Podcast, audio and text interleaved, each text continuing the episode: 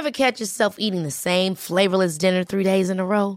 Dreaming of something better? Well, HelloFresh is your guilt-free dream come true, baby. It's me, Kiki Palmer. Let's wake up those taste buds with hot, juicy pecan-crusted chicken or garlic butter shrimp scampi. Mm. Hello Fresh. Stop dreaming of all the delicious possibilities and dig in at HelloFresh.com. Let's get this dinner party started.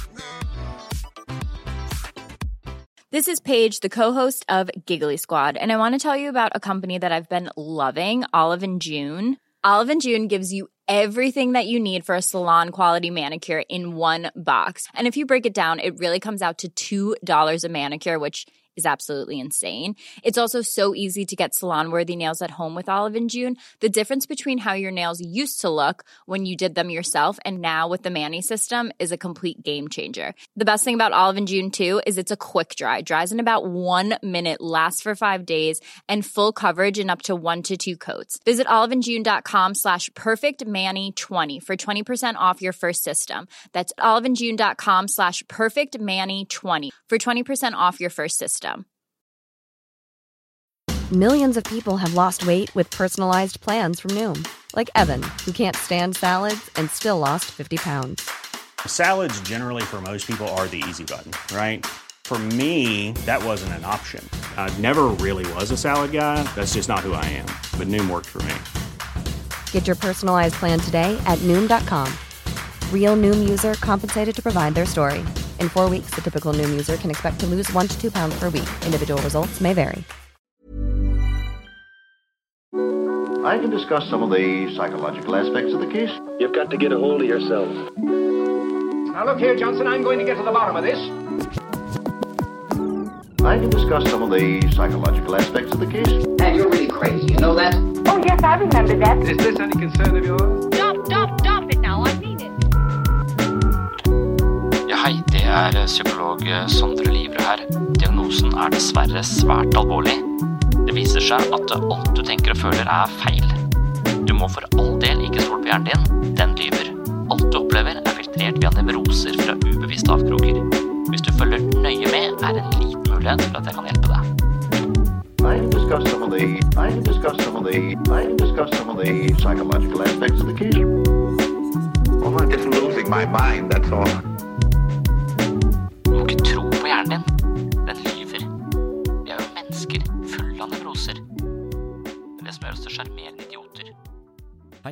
Velkommen til en ny episode av Sinnsyn. I dag skal jeg tilbake til eh, utviklingspsykologien, nærmere bestemt Erik Erikssons eh, ideer om identitetsutvikling og personlighetsutvikling.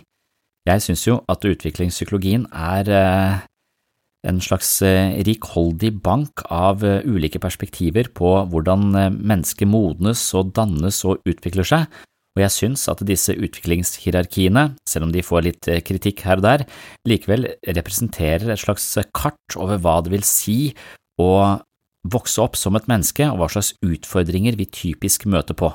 Og det å ha noen beskrivelser av disse utfordringene og disse typiske dilemmaene som vi eh, kommer opp i, det synes jeg kan fungere som kart som eh, i visse tilfeller kan peke oss i eh, retninger og hjelpe oss å manøvrere oss ut av disse utfordringene som eh, alle mennesker kommer til å støte på i en eller annen fasong. Og av og til så er det sånn at eh, måten vi løser konflikter på tidligere i livet, det blir toneangivende for hvordan vi ser på oss selv og hvordan vi typisk kommer til å løse lignende konflikter senere i livet.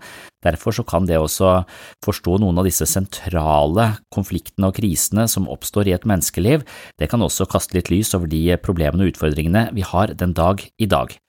Så Derfor så inviterer jeg i dag til en gjennomgang av Erik Erikssons eh, åtte aldre, eller åtte faser. Ifølge Eriksson så er jo mennesket et sosialt vesen, det er det vel ikke noen som er veldig uenig i, og Eriksson han deler livsløpet inn i åtte karakteristiske perioder. Hver av disse periodene er da prega av hvert sitt eh, personlighetsproblem eller hver sin spesielle krise. Selve får et nytt perspektiv i disse periodene hvor det oppstår en åpenhet eller en sårbarhet. Muligheten er til stede både for et positivt og et negativt utfall. Den mest fundamentale forutsetningen er at spedbarnet, altså den tidligste alderen, null til halvannet år, utvikler en grunnleggende tillit til omsorgsgiveren. Et uheldig forløp, altså mye utrygghet, vil resultere i mistillit eller en sosial grunnholdning preget av tilbaketrekning og mistenksomhet.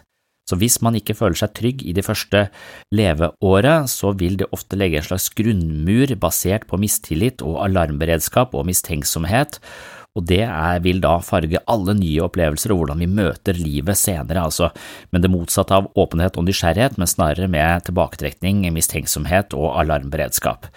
Så den første fasen i livet er kanskje den viktigste, ifølge Eriksson, og der har han eh, gehør hos eh, veldig mange andre utviklingspsykologer. I tidlig barndom, så altså når vi kommer litt lenger, den neste fasen, så er den dominerende krisen mellom selvstendighet og autonomi, og det står da opp mot uselvstendighet, skam og tvil. Behovet for selvkontroll som våkner med mange formuleringer av typen jeg vil, jeg vil ikke, jeg skal, eh, trassalderen altså. Så trass er da et slags positivt tegn på at utviklingen er i gang, Barnet ønsker å bli autonomt og være selvbestemmende og ha kontroll. Man skal derfor ikke knekke barnets eh, egenvilje, men heller kanalisere det inn i sosialt akseptable former. Så man må jo selvfølgelig sette noen grenser for barnet, men hvis barnet sanksjoneres hele tiden for sitt initiativ, så ender det opp med skam og tvil istedenfor en følelse av selvstendighet og bærekraft. Det negative utfallet altså hvis man eh, sanksjonerer barnet for mye, og barnet får en opplevelse at eh, de ikke kan bruke sin viljekraft, og utfallet i en sånn periode kan da bli til en sånn eh, type tomhetsfølelse eller skamsfølelse, en kronisk tvil og usikkerhet på egen, egen verdi, nesten sagt, og egen rett til å være i verden, nærmest. Og i småbarnsalderen, når vi kommer til neste fase da, så er den dominerende krisen mellom initiativ og passivitet eller skyld. Her er barnets aktivitet og initiativ, det vil uunngåelig støte på hindringer i form av påbud eller forbud. Noen barn er veldig ivrige og skal kontrollere leken, men på et eller annet tidspunkt så vil de andre barna sanksjonere dette, stoppe det, si at jeg vil ikke leke med deg mer, du skal bestemme alt, og da vil skyldfølelsen oppstå. Så forholdet mellom å ta plass og ha initiativ kontra passivitet eller skyldfølelse er da det presserende konfliktparet i denne fasen, som er da sånn tre til seks år, altså førskolealder. Men akkurat det der å bli sett eller stå fram og ta plass kontra det å føle skyldfølelse etterpå, det er vel et ganske sentralt tema i de fleste menneskers liv, også i voksen alder. Noen har ikke noe problem å ta plass og stå fram og, og, og høre sin stemme i et rom, mens eh, av og til så kan vi kanskje høre stemmen vår så mye at vi dagen etter tenker oi, sa jeg litt for mye, skulle jeg ha sagt det, burde ikke ha sagt det, så da er det dette med initiativ versus passivitet og skyldfølelse som er denne konfliktparet som igjen dukker opp i livet vårt. Kanskje det er psykologien i det å være fyllesyk, tenker jeg noen ganger, at du var veldig gøy på fest, dagen etter tenker på å, hva faen sa jeg egentlig? Så da har du denne konflikten som gjentar seg og er en sånn eh, arketypisk, stereotypisk problem for oss mennesker. Forholdet mellom å synes og ta plass og ha initiativ kontra det å gi andre plass og føle at vi har tatt for mye plass og da få en sånn type skyldfølelse. En eh, moralsk oppdragelse innebærer at barnet internaliserer normer og verdier. Å identifisere seg med foreldrene handler om å akseptere dem som naturlige autoriteter. Et tegn på dette er at barnet får skyldfølelse hvis det gjør noe galt, så skyldfølelsen er jo, ikke, den er jo der for å regulere oss sånn at vi kan høre til i flokken, men for mye skyldfølelse vil kanskje sørge for at vi aldri tar initiativ eller tar hevder vår rett, men alltid legger oss under. Og I verste fall så kan det da resultere i en sånn tilbaketrukket passiv eh, posisjon. Eriksson viser eh, videre til at alle kulturer har en form for systematisk opplæring i eh, skolealderperioden. Det er i skolealder at følelsen av anerkjennelse blir knyttet til at man kan mestre noe eller produsere ting, altså prestere, så her dukker opp mange både akademiske krav og sosiale krav. Kompetanseaspektet ved personligheten blir utviklet, og barnet lærer å forholde seg til at man kan enten lykkes eller mislykkes. Det negative er dersom man eh, utvikler en følelse av eh, underlegenhet og barnet føler seg fremmed fra skolen. Arbeidsevne og flid er det positive resultatet. Dette er en eh, slags tverrkulturell dyd, så greia her er vel får vi støtte og ros og oppmerksomhet og tilrettelegging nok til at vi kan føle mestring på skolen, eller føler vi gang på gang at vi ikke mestrer og kommer til kort, og da vil konfliktparet være mellom å ha arbeidsevne eller føle seg inkompetent og ha slags mindreverdighetskompleks. Og dette er da knytta veldig mye til prestasjonene våre. I puberteten så skjer en rekke forholdsvis store endringer på kort tid, Usikkerhet er et eh, fremtredende trekk ved denne alderen, som for eksempel i forhold til framtidsplaner og yrkesvalg. Utfordringen blir å finne seg selv. Dette er kanskje den mest omfattende perioden, den begynner i sånn tolv års alder og går fram til 20-åra. Her må tidligere kriser integreres i en ny helhet. Det handler om det narrative selve, det å lage historien om hvem jeg er, på godt og vondt. Det positive utfallet er da hvis du klarer å skape en sånn historie som er sammenhengende og gir en helhetlig forståelse av hvem du er, og også en nyansert forståelse av hvem du er. Ikke sånn at jeg er bare god og ikke ond, men ser nyansene, jeg er begge deler, holding the tension of the opposite, som vi har snakket om tidligere her på podkasten, og hvis du klarer det, så blir utfallet en solid identitet. Denne psykososiale identiteten blir oppnådd dersom den eh, indre enheten fra eh, barndommen samsvarer da med bildet som man opplever at det andre har av en selv, altså den sosiale verden. Det negative utfallet er identitetsforvirring. Da har man problemer med å avgrense seg og finne sin plass i den sosiale omverdenen. Et eksempel er eh, overidentifikasjon, der man identifiserer seg så sterkt med gjengens eller gruppas helter og heltinner at ens egen identitet settes til side. Da tar man liksom på seg en frakk som egentlig ikke er forankra i egne følelser, men jeg er anarkist, eller jeg er sånn og sånn, og så får man en slags sånn litt, nesten litt panisk identitet som egentlig ikke har noe forankring i uh, følelsene og personligheten din for øvrig. I ungdomsskolealder er den sosiale identiteten knytta til om man klarer å utvikle intime vennskapsforbindelser, det vil si knytte nære personlige forbindelser der en både gir og får. Så neste fase det handler om eh, nærhet eller avstand, og for å skape nærhet til andre mennesker, så må vi ha en ganske solid identitet, en slags sammenhengende forståelse for hvem vi er. For hvis vi veksler mye mellom å være helt udugelig, helt konge, altså at vi har denne svart-hvitt-følelsen, og at vi svinger mye, så blir vi en, en, person det er vanskelig å fortøye seg i. Men hvis vi har en viss stabilitet og kan eh, fremstå oss på en ganske solid måte, så er det mulig for andre å forholde seg til oss på en forutsigbar måte, og vi kan også da klare å forholde oss til andre mennesker på en forutsigbar måte. Så en solid identitet virker som å være en slags forutsetning for å komme godt gjennom det neste stadiet, som det handler om evnen til å opprettholde nære, betydningsfulle og langvarige relasjoner til andre mennesker, og hvis man klarer det, så er muligheten for kjærlighet til stede, ifølge Eriksson. Og Det forutsetter da en eh, personlig styrke og eh, har eh, sammenheng da med evnen til å kunne gå inn i disse dypere vennskapene og partnerforhold. Det er ofte i denne fasen vi også prøver å finne en partner.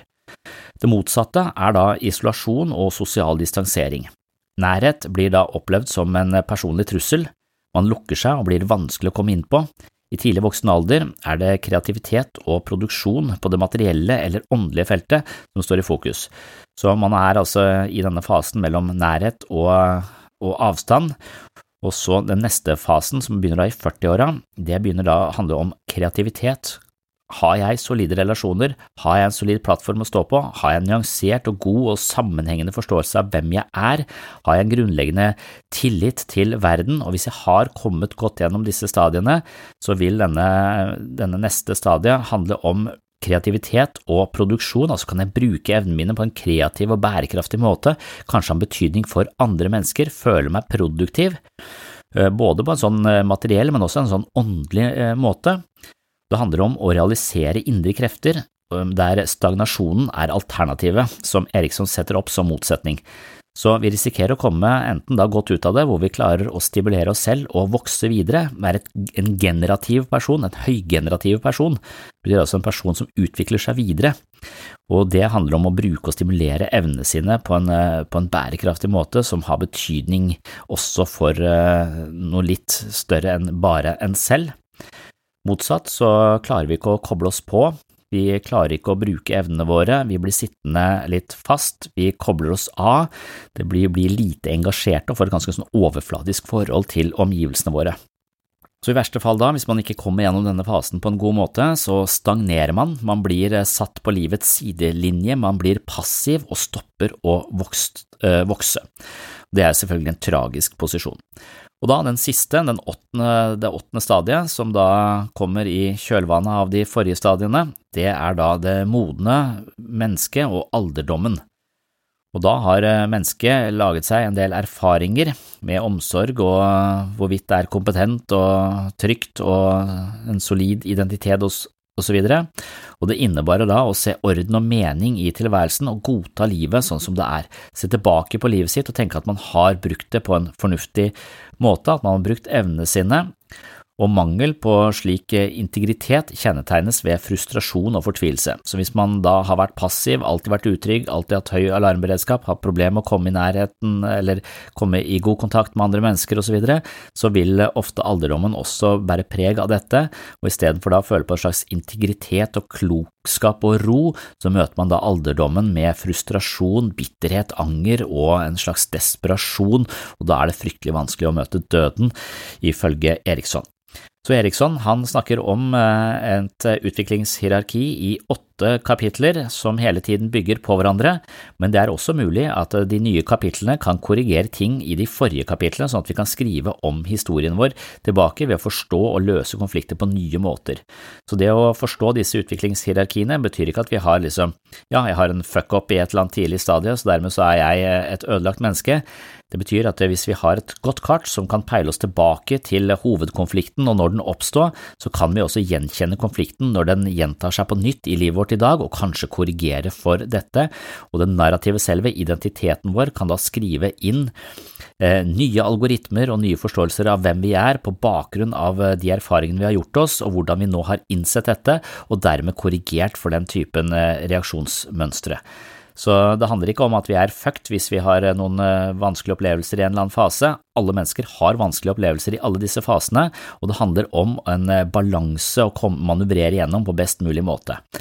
Så det er ikke kjørt selv om du har noe kjipe ting i bagasjen, men det å ta disse kjipe tingene ut og se på det, og da finne fram i sin egen bagasje, altså disse utviklingshierarkiene de er ofte kart som viser oss vei inn i vår egen psykologiske bagasje, og derfor så synes jeg de har verdi også for voksne mennesker, og de har en verdi for oss som har barn, fordi vi ser akkurat disse stereotypiske konfliktene utspille seg i hjemmet vårt nesten daglig hvis man ser etter dem. Og det å ha litt forståelse for hva som foregår, det kan også være ganske interessant. Så med det så ønsker jeg velkommen til en ny episode her på Sinnsyn, hvor vi skal dykke ned i Erikssons åtte aldre. Og utviklingspsykologien er så full av eh, sånne beskrivelser av utviklingshierarkier og utviklingsfaser. Annet Erik Eriksson, som jeg så på til i dag, han mener jo at eh, hvert stadie inneholder en sånn type tematikk. En krise, en konflikt, og den konflikten må løses. Og hvordan vi løser den konflikten, det bestemmer også personligheten vår.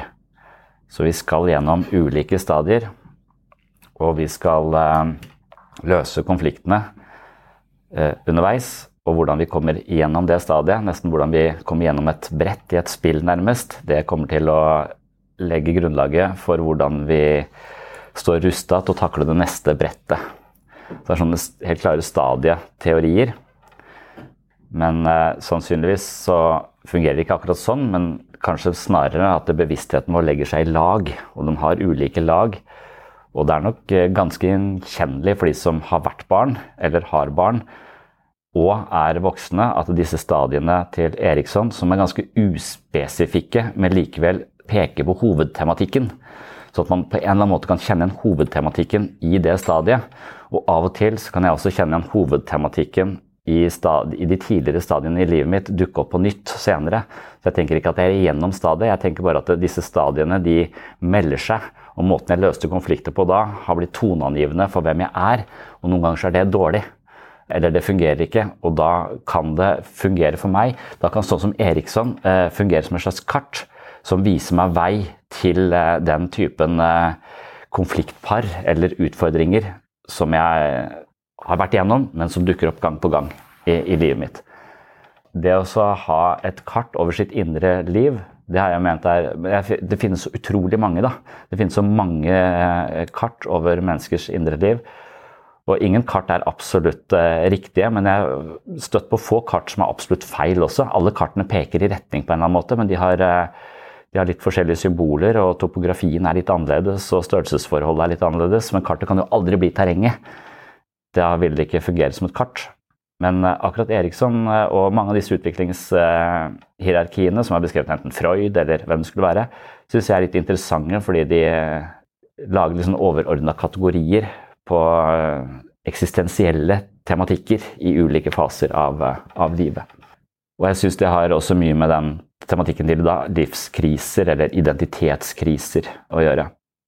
Så hvis vi bare tar ett og ett stadie, åtte stadier, Eriksson kaller det åtte, eh, menneskets åtte aldre, så kan vi se om vi får noe ut av, av de ulike nivåene her.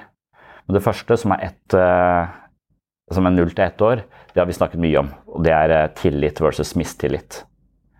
Så Det er bare det at barnet trenger å vite, trenger å føle, at verden bærer. Så du kommer inn i en verden totalt hjelpeløs. Hvis du får omsorg, hvis du får mat, hvis du eh, får trøst, hvis du får varme, hvis du blir sett, hvis du eh, har foreldre som løfter deg opp når du gråter, så vil du få en erfaring på at verden er et bærende sted.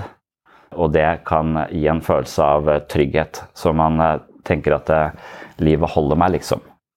Motsatt, mye utrygghet, vil gi en følelse av mistillit. Jeg må alltid være på vakt, jeg kan ikke stole på noe. Så liksom, mennesket kommer inn i verden med to, to moduser. Enten så kan du komme helt ut på den ene siden.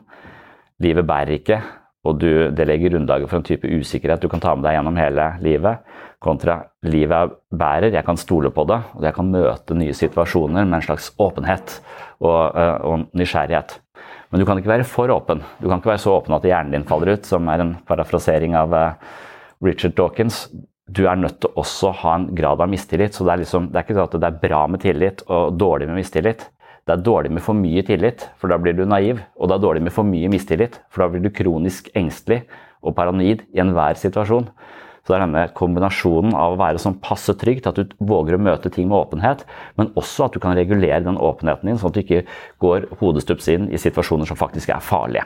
Og hvis du klarer å manøvrere dette landskapet mellom eh, tillit og mistillit på en ganske balansert måte, så er det du utvikler, ifølge Eriksson, håp.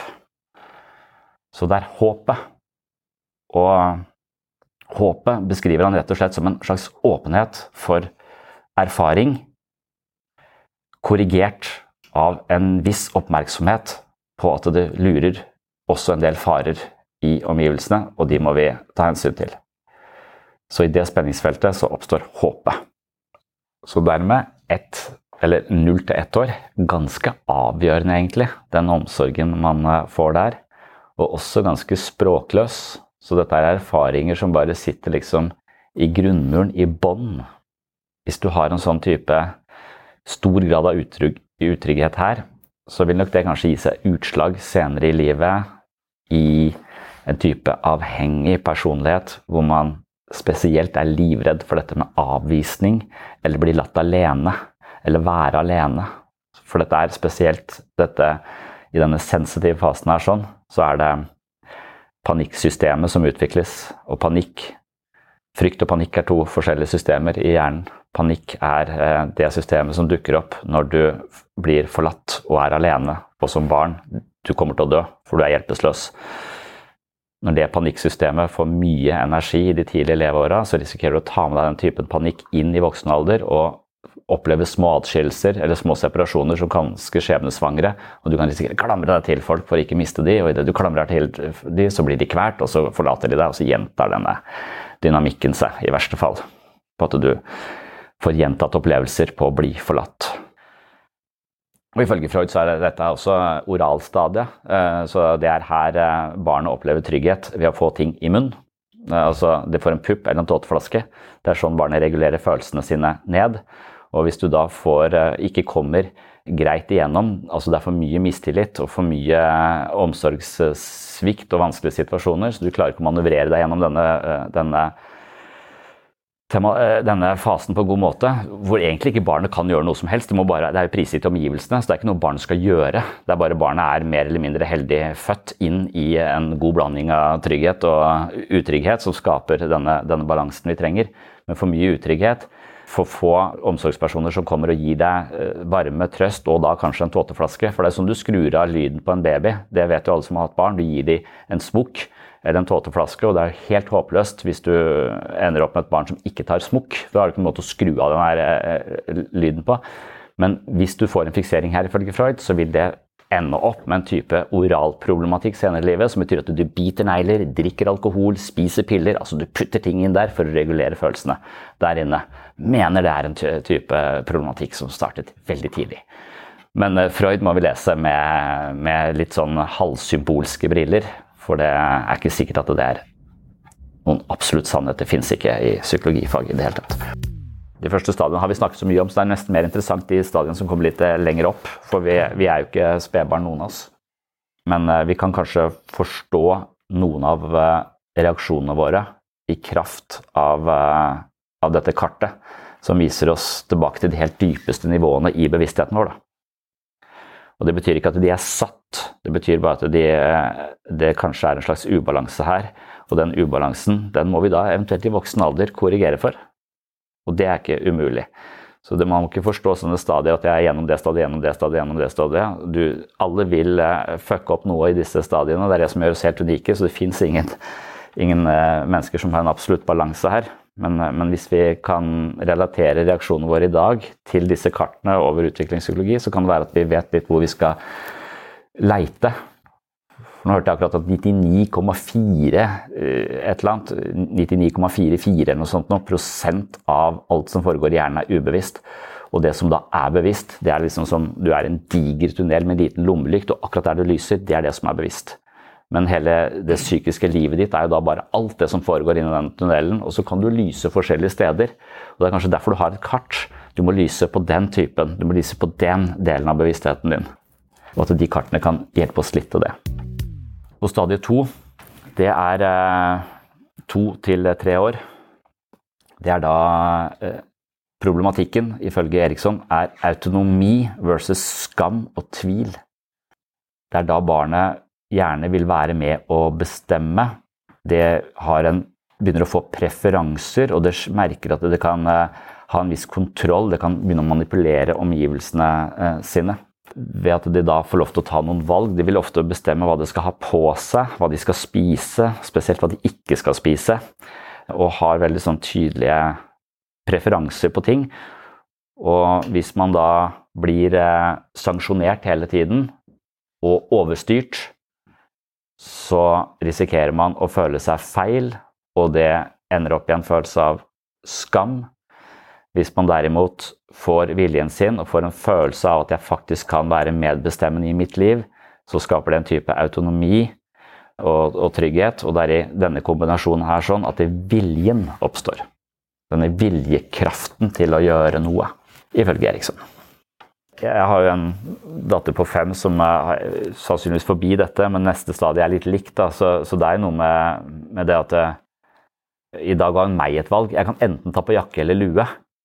Men det er bare for at hun skal få bestemme et eller annet faenskap. Og hvis, og hvis hun får bestemme helt selv, så hadde hun stått på slalåm i ballerinakjole, liksom. Så det er klart at det, det, er en del av de valgene de små menneskene tar, som er eh, særdeles dårlige. Og det vil også være farlig her at eh, du kan si at autonomi, trygghet Jeg kan bestemme litt av hvordan livet mitt skal utfolde seg. Samtidig så finnes det noen grenser her, så jeg kan ikke bestemme alt. Så du kan ikke bli Det er en type omsorgssvikt også å aldri sette grenser for barn. Sånn at det, det, lille barnet på tre år, diktatoren i bleie, får liksom bestemmelsesrett over hele familien AS. Og da er du plutselig på toppen i en alder av, av tre år. Og det vil også kanskje føre til en sånn en annen type. Det kan bli for mye på den eh, siden også. Og litt skremmende å være på toppen, og for mye bestemmelsesrett vil også være ganske utrygt. Så det å finne en balanse mellom å, å, få lov til å bestemme, men også bli grensesatt, er, den, er, tema, er tematikken. Og i det spenningsfeltet så oppstår viljen. Neste stadie, så bare, det går liksom bare rett inn i dette, det er eh, tre til fem eh, år. Det handler om initiativ versus eh, skyldfølelse. Det er i hvert fall en tematikk som går igjen i mitt liv, også i voksen alder. Initiativ versus skyldfølelse. Det er litt det som er i dette rommet. altså Tar du initiativ, synes, kontra du synes for mye, skyldfølelse. Og tre til fem år, det er liksom førskolealder. Og det er denne kraften barna har uh, sett at jeg kan ha uh, over verden, den klarer jeg nå også å kanalisere inn i prosjekter og gjøre ting som gir mening. Så det har et slags initiativ, spesielt i lek. da. Og, og hvis det får lov til å utvikle det initiativet sitt, og ikke blir eh, sanksjonert eller stoppa, eller det Freud ville sagt kastrert Så det er jo å bli, få viljen sin og initiativet sitt stoppet eller latterliggjort eller kjeftet på eller oversett, ikke tatt hensyn til, det er kastraksjonen. Det er kastraksjonsangsten, ifølge, ifølge Freud. Det vil jo si at du havner ikke på initiativ og vilje, du havner på skam og skyldfølelse. Det er det, det konfliktparet. Men skammen kommer tidligere, ifølge disse teoriene, fordi skammen er mer ordløs. Skammen ligger som en sånn undertone hvor du bare føler at 'jeg er feil', men jeg vet ikke hva det er med meg som er feil. For du husker jo ikke hva som skjedde i første leveåret. Det er bare en følelse av å være feil som ligger som en sånn grunntone i det. Men skyldfølelsen den er ofte mer knyttet til en situasjon. Eh, og når jeg satt og leste om, eh, om dette igjen uh, før denne timen, så, så, satt jeg ved vinduet og så så jeg dattera mi på fem som er i denne fasen. da. Hun løp ute med to venninner, og så tenkte jeg Helvete, nå gjør du det. igjen. Du er så jævlig ufleksibel. Du skal bestemme alt, og de får ikke låne lekene dine. Da blir jo Vera venneløs. Skal du slutte med det greiene der sånn? Og da er det fordi at det, initiativet er så høyt. ikke sant? Hun vil bestemme hva de skal leke, og hun er veldig ivrig. Hun er sykt ivrig på å få Hun blir så glad hvis det kommer noen på besøk til henne. Da kan du ikke behandle de sånn! De må også få lov til å ha et initiativ i denne leken.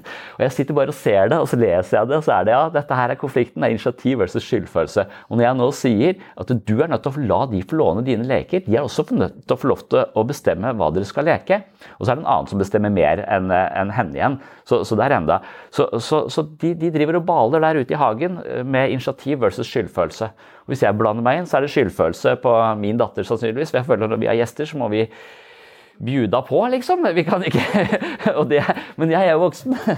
Sånn at, eh, så, så, jeg så denne typen eh, konflikt utspille seg rett foran ansiktet mitt mens jeg, mens jeg leste om det.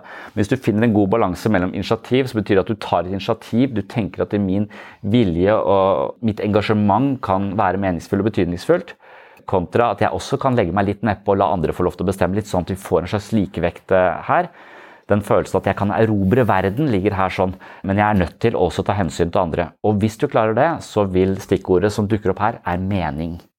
Så vi går fra håp til vilje til mening. Nei, det, kan, det kan jo umulig være at det er da det må løses, men det er eh, når, når, de har noe som heter Neuropsychoanalysis, som er et eget tidsskrift, hvor alle de beste hjerneforskerne og alle de beste psykoanalytikerne, som er liksom, egentlig det er jo naturvitenskap versus eh, pakksalver i verste fall, eller eh, humanvitenskap, da, som, som møtes, så, så, mener de at det, Freud sin modell over den psykososiale utviklingen til mennesket er ganske eh, overførbar til eh, sensitive utviklingsfaser i hjernen. Sånn at vi går fra Det er utvikling, dette med trygghet og nærhet liksom, og, og panikksystemet utvikles veldig mye det første leveåret. Og så den neste fasen det handler om statusorientering. og Freud kalte det analstadiet. For at det handler om markering, det handler om å finne sin plass i flokken. Det handler om å, å, å kjempe sin kamp, liksom, og, og, de tingene der. Sånn. Så, og det er raseriet. Så Det er raserisystemet som er det selvhevdende systemet. og Blir du sanksjonert for mye, så vil du undertrykke raseriet, og du vil risikere å bli lite selvhevdende og reagere med frykt og tilbaketrekning istedenfor initiativ og, og, og pågangsmot. Så hvis det blir sanksjonert for mye i en tidlig alder, så, du, så, blir det en type følgefeil. Men det er litt den følgefeilen vi jobber med i voksenlivet vårt hele tiden. Men det er bare det å forstå at den kanskje oppsto der, betyr ikke at jeg ikke nå kan skape en bedre balanse mellom initiativ og skyldfølelse. For det, det syns jeg er den viktigste konflikten i mitt liv. Jeg tar veldig mye plass, ikke sant? og så plutselig så blir det sanksjonert på en eller annen måte, eller påpekt. Og så kommer skyldfølelsen kontra skammen litt, og så korrigerer det, sånn at det blir en bedre Men det er smertefullt. Men, eh, men så, så, kan man kanskje vite om det. så kan man kanskje jeg, jeg, tror at man ved å være oppmerksom på de ulike lagene i sin egen bevissthet, også at det laget jeg nå er i, det narrative selvet mitt, kan fortelle historien om mitt liv på en sånn måte at jeg også korrigerer fordi balansen nedover. At jeg, at jeg kan rett og slett omprogrammere meg selv ved å være i superbrukermodus, som, som jeg har kalt det. Vite at jeg har en slags hang, jeg har en slags skjevhet til å kanskje ta for mye plass, men jeg kan eh, klare å redusere det ved å være det bevisst, og det kan bli en ny modus operandi for meg hvis jeg, hvis jeg er bevisst nok. Så jeg tenker at det gjør, jo, det gjør jo alle mennesker litt spesielle, all den skjevheten de har. For ingen er balansert. Et balansert menneske høres kjedelig ut. Du må jo, du må jo ha noen nykker liksom, i en eller annen, en eller annen forstand. Og så, så, kan det være såpass store nykker at du bør gjøre noe med det, for du ryker uklar eller du, du blir ensom eller hva, hva det skal være. Men, men, det er nok at vi har det, det, skriver seg inn i vår mentale biologi på et tidlig tidspunkt og kan bli en type reaksjonsmønster som dukker opp senere i livet.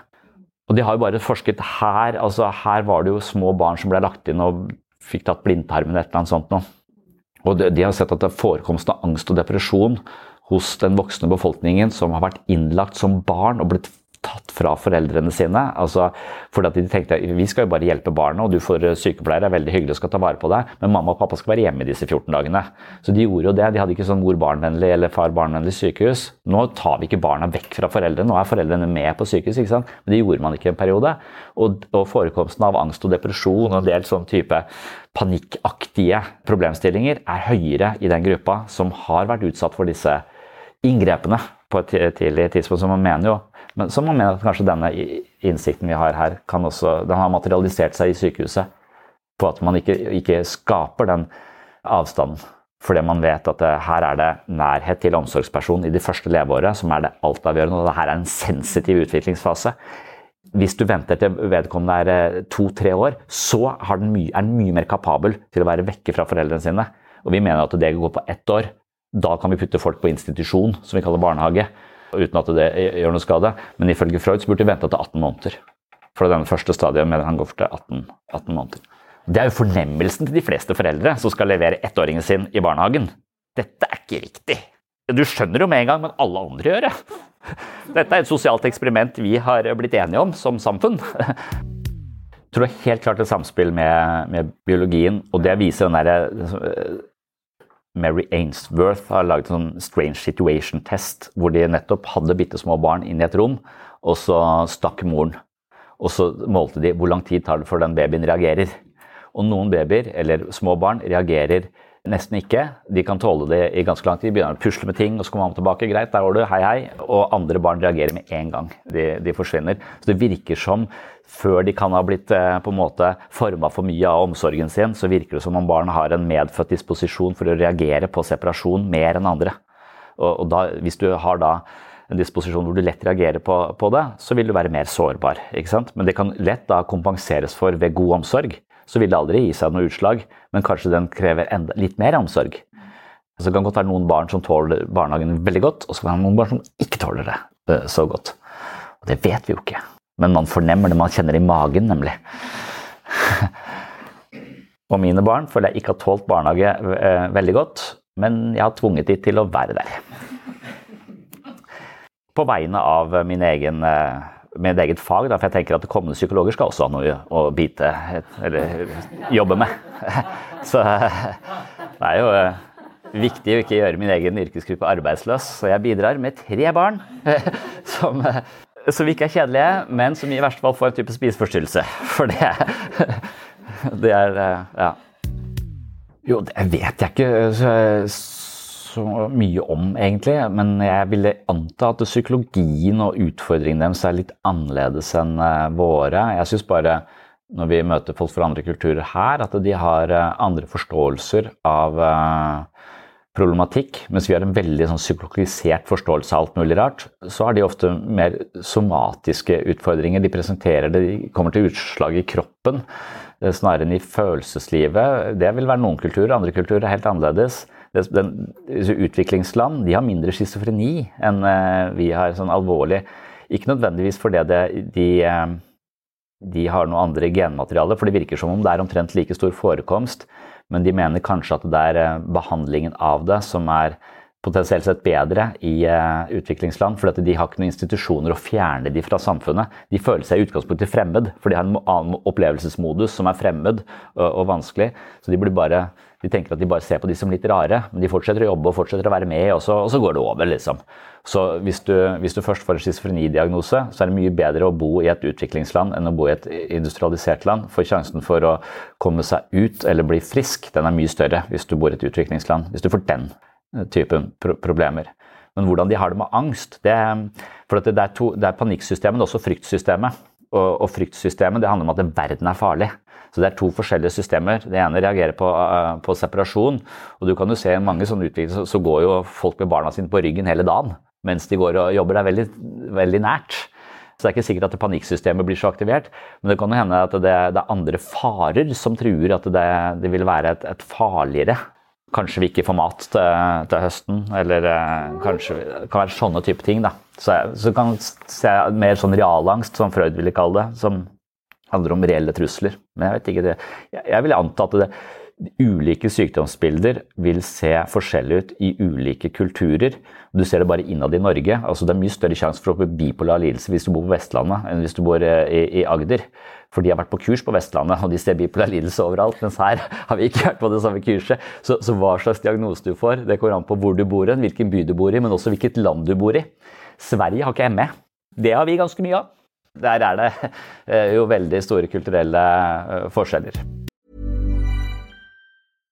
How would you like to look five years younger? In a clinical study, people that had volume added with Juvederm Voluma XC in the cheeks perceived themselves as looking five years younger at six months after treatment. Look younger, feel like you. Add volume for lift and contour in the cheeks with Juvederm Voluma XC. Reverse signs of aging by adding volume to smooth laugh lines with Juvederm Volure XC. For important safety information and to find a licensed specialist, visit Juvederm.com. That's J U V E D E R M.com. Not for people with severe allergic reactions, allergies to lidocaine, or the proteins used in Juvederm. Common side effects include injection site redness, swelling, pain, tenderness, firmness, lumps, bumps, bruising, discoloration, or itching. There's a risk of unintentional injection into a blood vessel, which can cause vision abnormalities, blindness, stroke, temporary scabs, or scarring. Talk to a licensed specialist to find out if it's right for you. Hold up. What was that? Boring. No flavor. That was as bad as those leftovers you ate all week. Kiki Palmer here, and it's time to say hello to something fresh and guilt-free. Hello Fresh. Jazz up dinner with pecan-crusted chicken or garlic butter shrimp scampi. Now that's music to my mouth. Hello Fresh. Let's get this dinner party started. Discover all the delicious possibilities at hellofresh.com. Here's a cool fact. A crocodile can't stick out its tongue. Another cool fact, you can get short-term health insurance for a month or just under a year in some states. United Healthcare short-term insurance plans are designed for people who are between jobs, coming off their parents' plan, or turning a side hustle into a full-time gig. Underwritten by Golden Rule Insurance Company, they offer flexible, budget-friendly coverage with access to a nationwide network of doctors and hospitals. Get more cool facts about United Healthcare short-term plans at uh1.com. For det neste, det neste stadiet, det handler om eh, arbeidsevne versus mindreverdighet. Og da er vi kommet til, til skolealder, altså 6 til 12 år.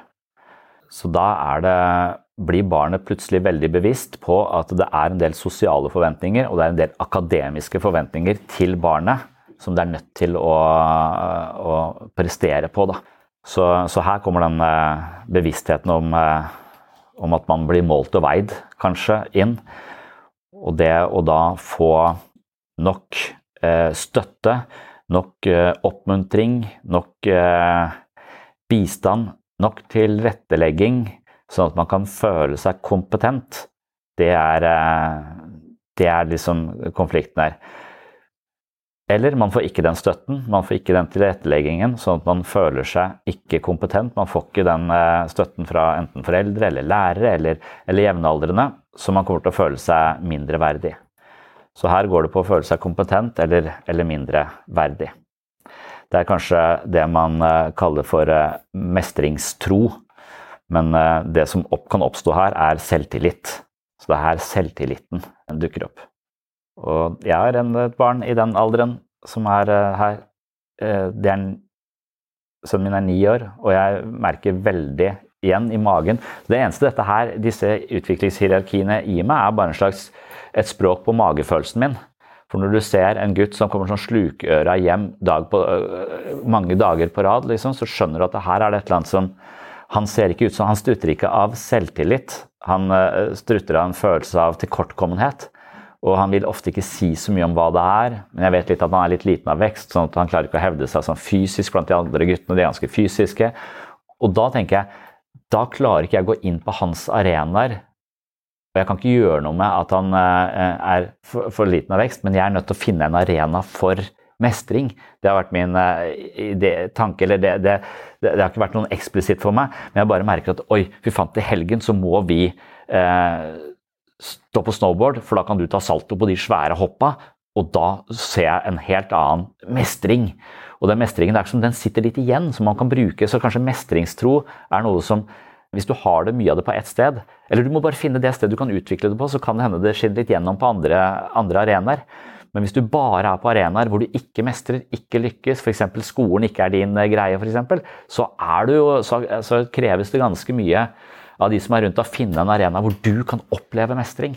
Og Det føler jeg er det selve så her. Men du skal ikke føle deg helt konge heller. ikke sant? Du skal, du, du skal tåle noen nederlag og føle at det her strekker jeg ikke til. Så er det igjen denne kombinasjonen. Og, og, hvis man kommer godt ut av dette, så får man en ganske sånn solid og realistisk selvtillit. da. At jeg kan ikke klare alt. Jeg tror ikke at jeg kan bli eh, president eh, i USA, men eh, jeg eh, tenker at jeg er rimelig, rimelig kompetent.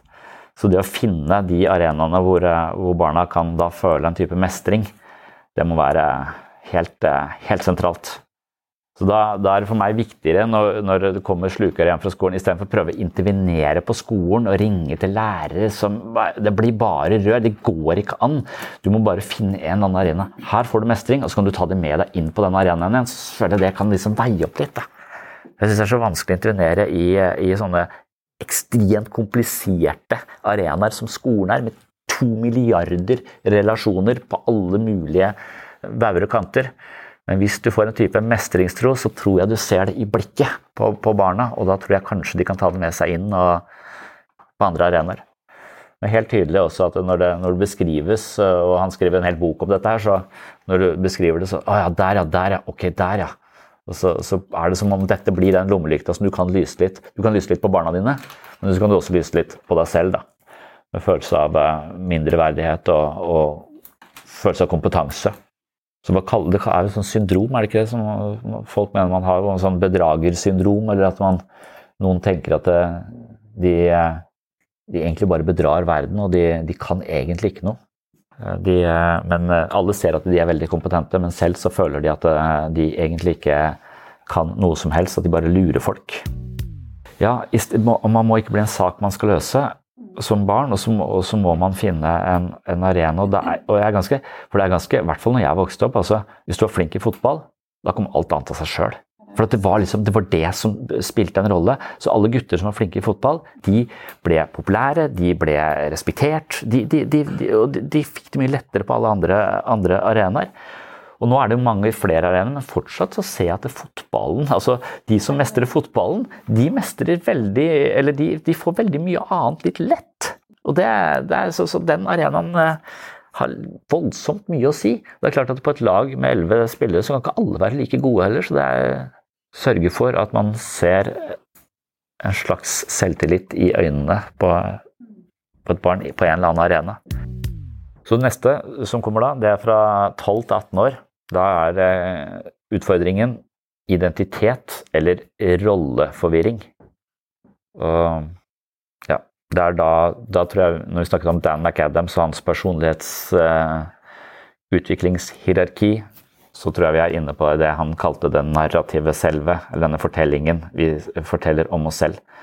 Så med erfaringen vi har med å ta initiativ, og, eller havne på skyldfølelse, eller ville noe, eller havne i skam og bli kastrert, eller følelsen av å være kompetent eller mindreverdig.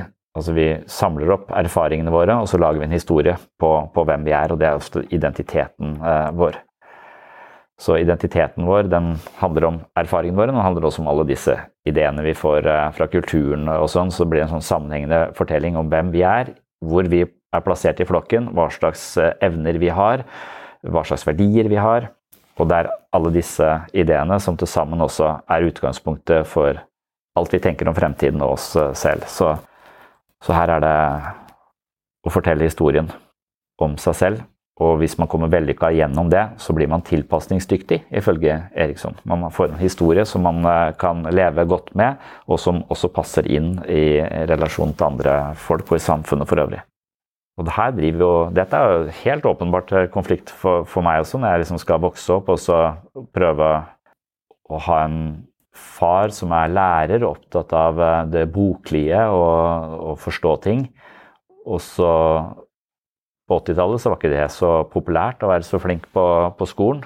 Så da var det viktig å være anarkist og punkrocker som en slags identitet du bare plukker fra Sex Pistols, og så tar du og kjøper du akkurat likt tøy og sånn, og så prøver du på denne frakken her sånn.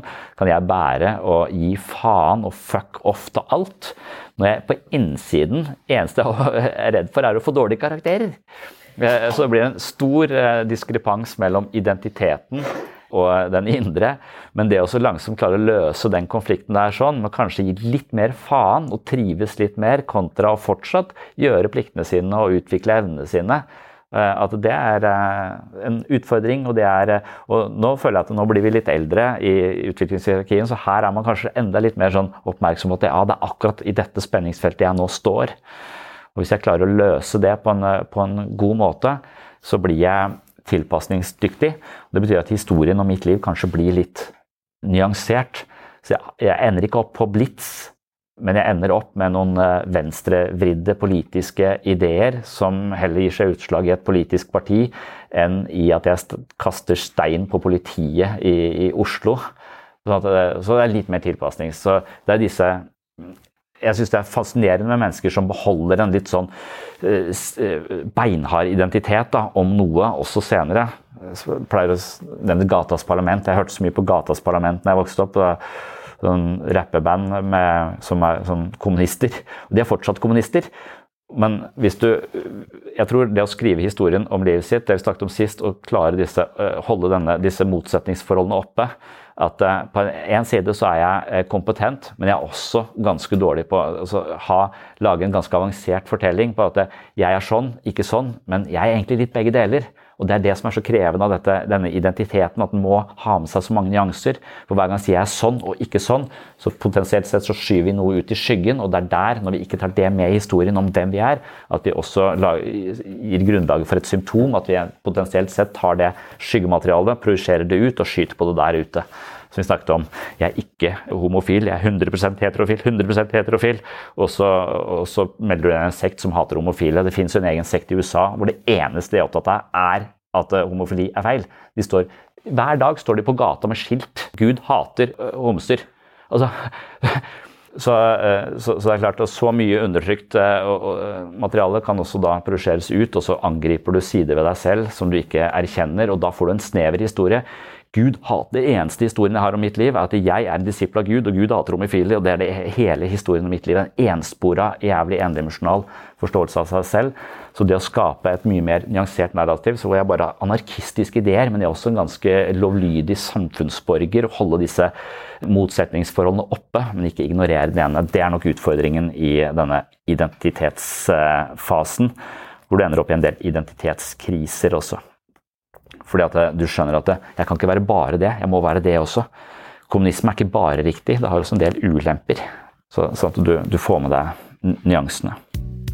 Noen ganger så blir identitet nesten når vi prøver en frakk. Også, og, og, jeg tror det er det vi, eh, vi på sett og vis også syns er eh, problematisk med mennesker som ikke har identiteten sin forankra i de dypere lagene i seg selv og motsetningsforhold i seg selv, mens de tviholder på at 'jeg er bare god', 'jeg er bare elskverdig', 'jeg er aldri hatefull', så tror jeg vi, vi reagerer på fortellingene de har, narrativet sitt, og, og vi anser det som litt sånn unyansert. og Derfor så, så vil også Eriksson si at eh, en solid og nyansert identitet og en helhetlig fortelling om meg og hvem jeg er, det er en forutsetning for en nær relasjon.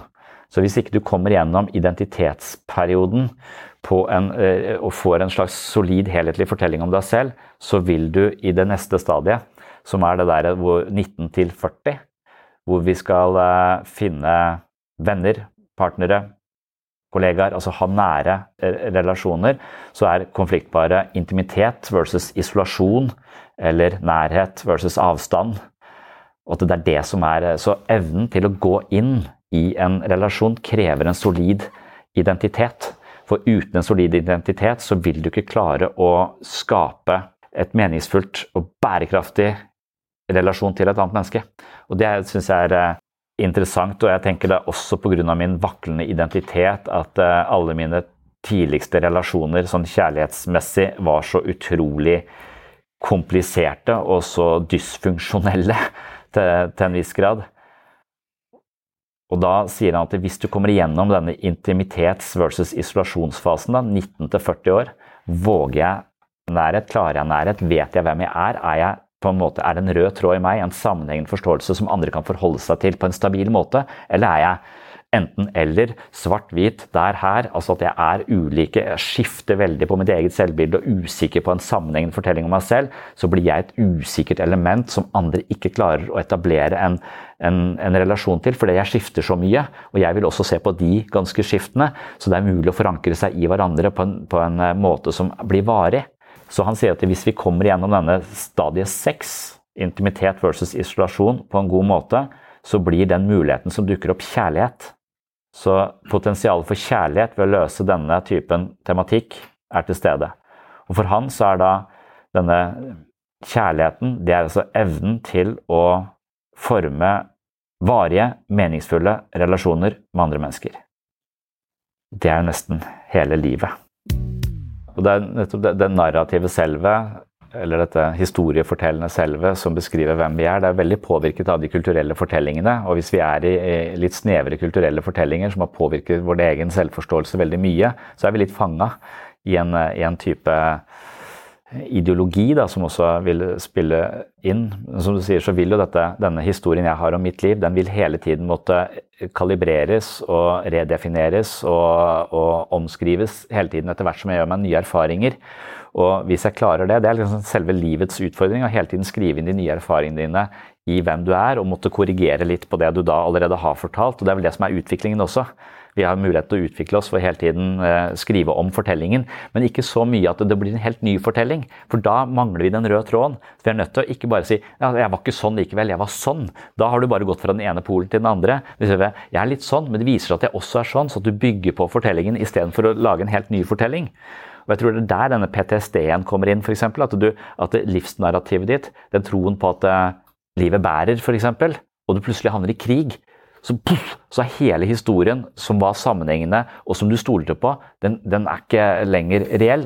Livet er ikke trygt, livet er sårbart. Så når vi møter sånne voldsomme situasjoner, så tror jeg det blir veldig problematisk å skrive de inn i den sammenhengende forståelsen av hvem jeg er. Og så blir det et slags brudd i, i narrativet ditt, og det bruddet det dukker opp i drømmer igjen. Og det er en, sånn, en slags kløft i deg selv, i historien om deg selv, som blir eh, til det vil man kalle PTSD, kanskje, i i klinisk eh, forstand. Men, men, det er rett og slett et alvorlig brudd i et livsnarrativ. Og hvis man i, i utgangspunktet også har en litt sånn svart-hvitt-dynamikk fra de tidligere stadiene, hvor man er enten god eller enten noen, og ikke klarer å se at det er begge deler, så, så vil man også skifte narrativ hele tiden. Sånn at det, man går i moduser. Og det er det som er problemet med f.eks. borderline.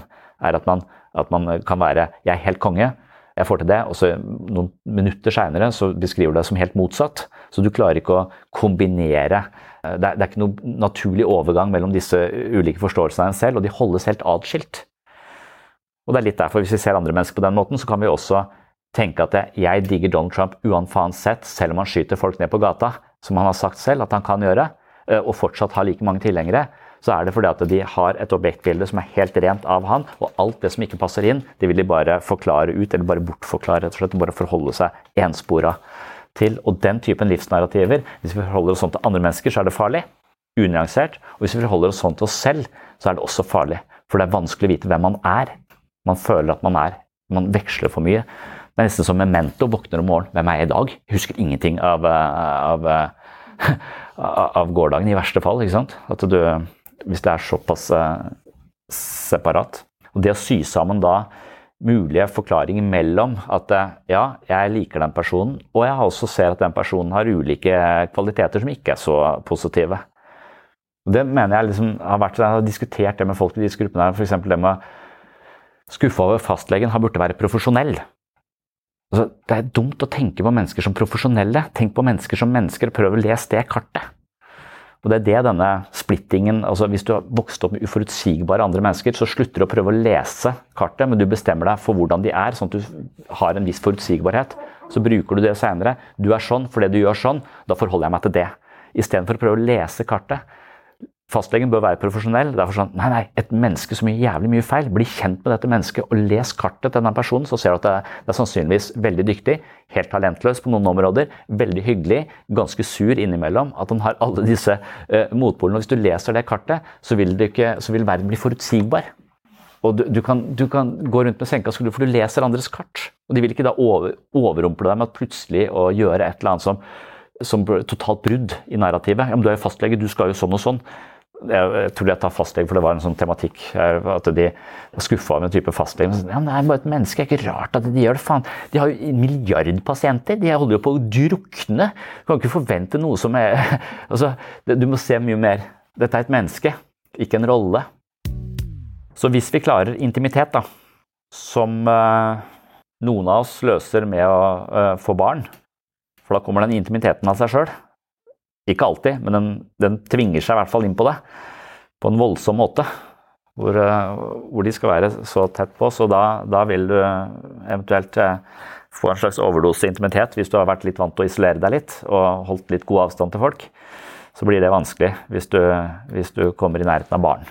Eh, barn og dyr tror jeg kan hjelpe deg i denne fasen der sånn, hvis du er på isolasjon og, og holder avstand og er litt redd for, for nærhet.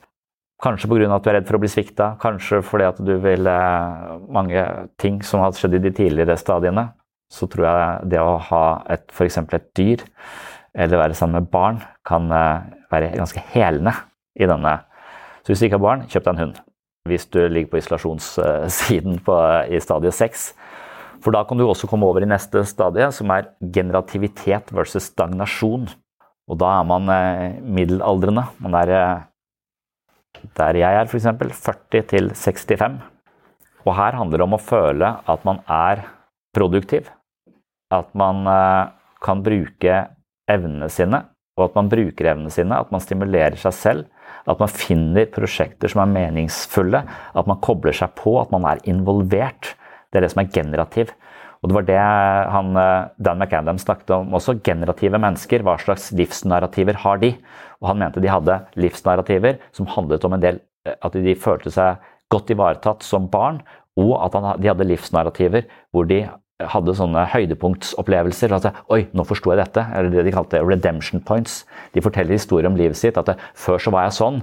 Før så var jeg alltid negativ. Og så innså jeg at det skapte avstand til andre mennesker. og Så begynte jeg å se litt annerledes på ting, og så fikk jeg en helt annen kontakt med folk rundt meg. Så de har sånne beskrivelser av høydepunktsopplevelser i livet ditt hvor de skjønte noe eller det skjedde noe som endra og nyanserte fortellingen, eh, fortellingen deres.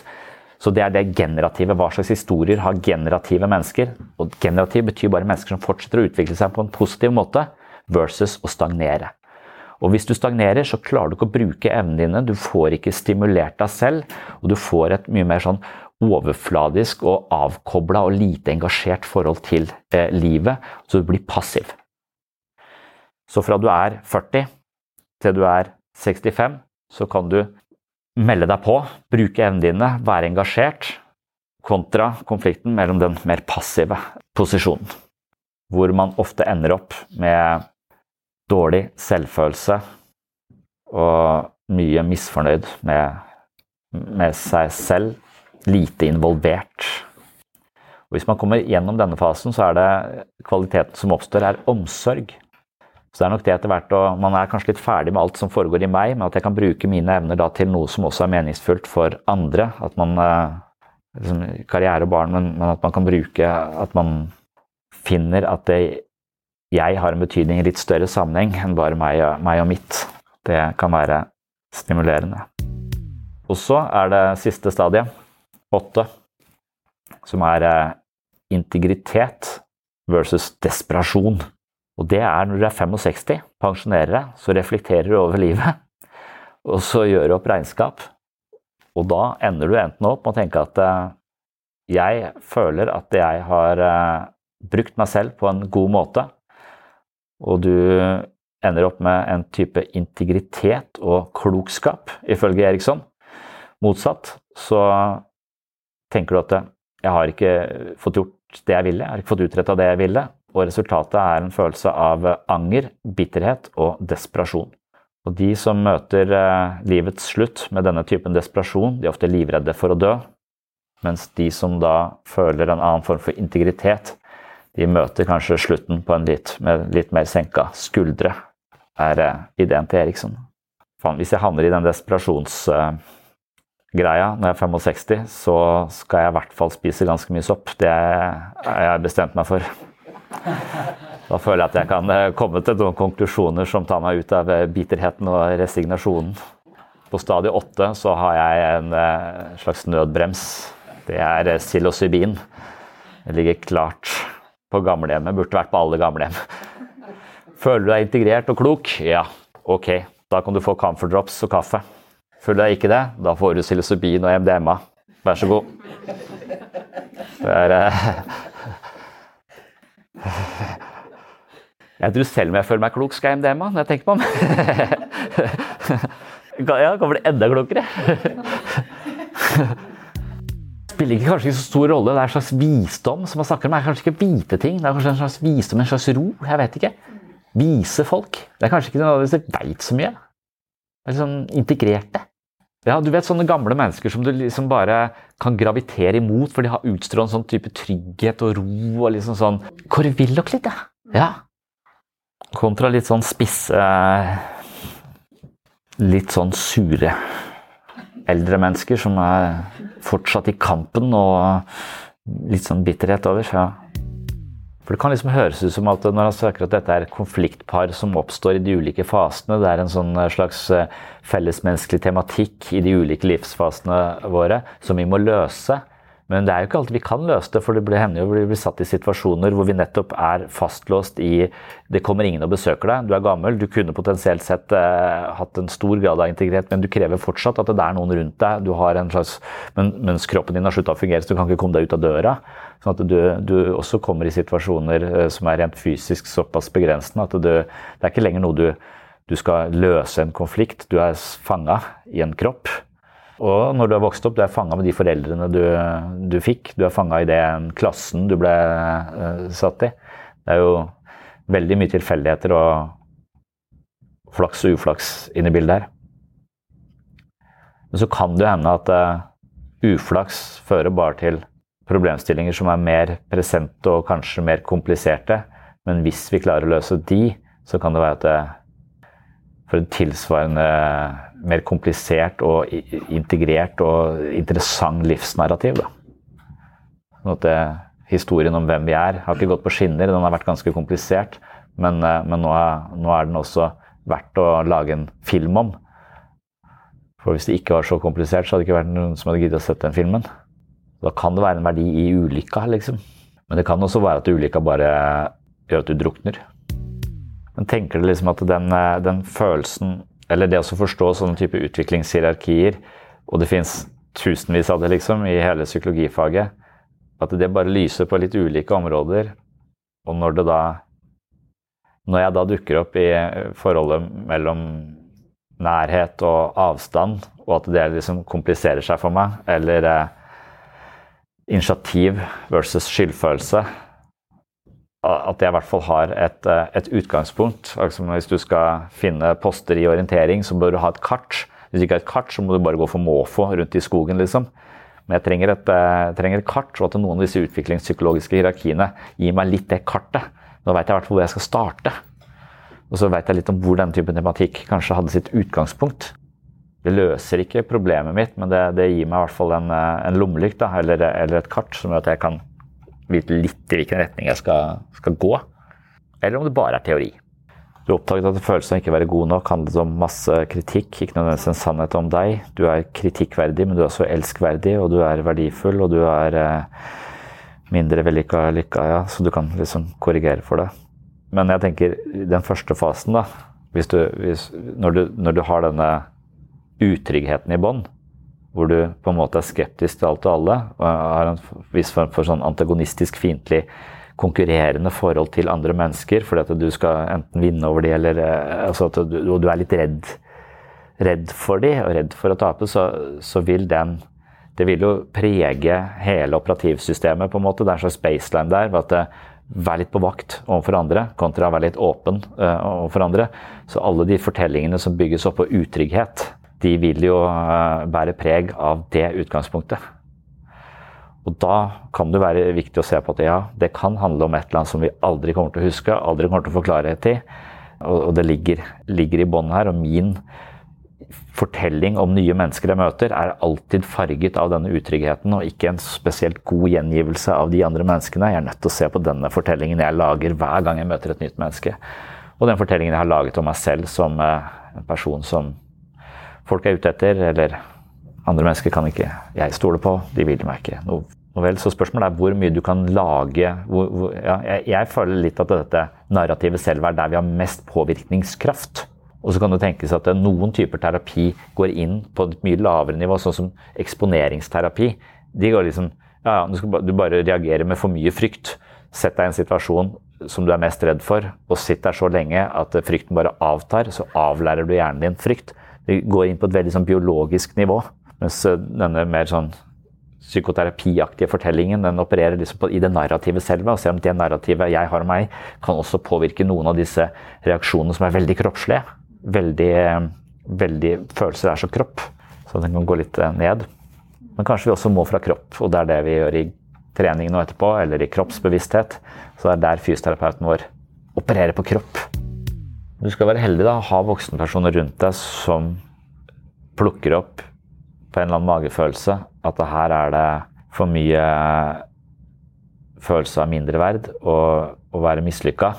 Jeg er nødt til å finne deg som lærer ut og fiske deg inn i en eller annen setting hvor du føler mestring. Sånn, men det krever ganske mye apparater rundt, det krever mye av folka rundt. Og det er ikke alle som har det apparatet eller de folka rundt seg i det hele tatt. Og da er man jo prisgitt de omstendighetene og egentlig ganske uh, hjelpeløs, egentlig. Så, så hva slags arenaer har man? Takk for at du hørte på Sinnsyn. Det var det jeg hadde å si om eh, livets eh, ulike kapitler og Erik Homburger Erikssons ideer om hvordan mennesket utvikler seg fra fødsel til død. Det er jo interessant at Eriksson har en, eh, et konsept som handler om bevegelse gjennom hele livet, og det gir i hvert fall gjenklang hos meg. Freud han ga seg jo og tenkte at personligheten var satt etter fem–seks år. Altså det, han var så opptatt av de tidligste leveåra. De har en stor betydning, men vi har muligheten til å utvikle oss og forandre oss gjennom alle disse fasene. Så hvis du vil høre mer om eh, Erikssons eh, åtte aldre, så har jeg laget en egen episode om det på Patron, som er episode 83. Den heter Livets eh, faser. Så for deg som er superinteressert, så kan du gå dit.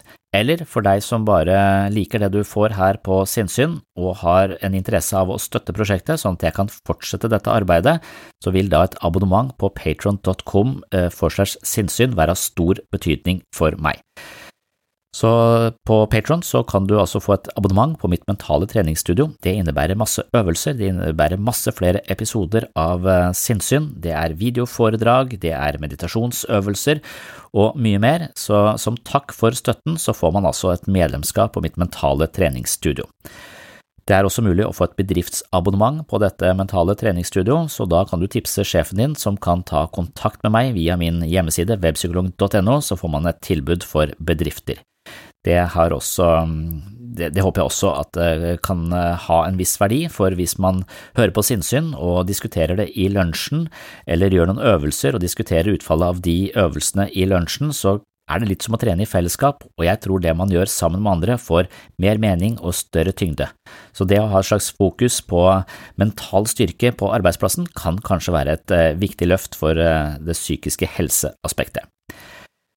Det var det for denne gang, håper du henger med i neste episode. Takk for nå. Oh, I'm just losing my mind, that's all.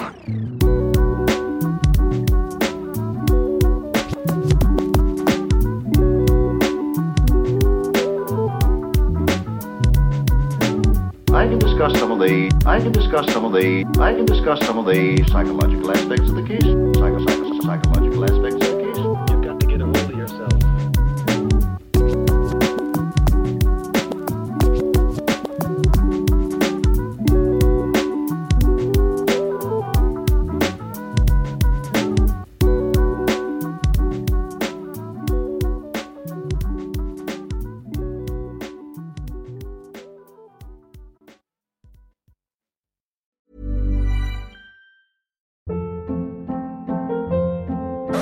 Hold up. What was that? Boring. No flavor. That was as bad as those leftovers you ate all week. Kiki Palmer here, and it's time to say hello to something fresh and guilt-free. Hello Fresh. Jazz up dinner with pecan-crusted chicken or garlic butter shrimp scampi. Now that's music to my mouth. Hello Fresh. Let's get this dinner party started. Discover all the delicious possibilities at hellofresh.com.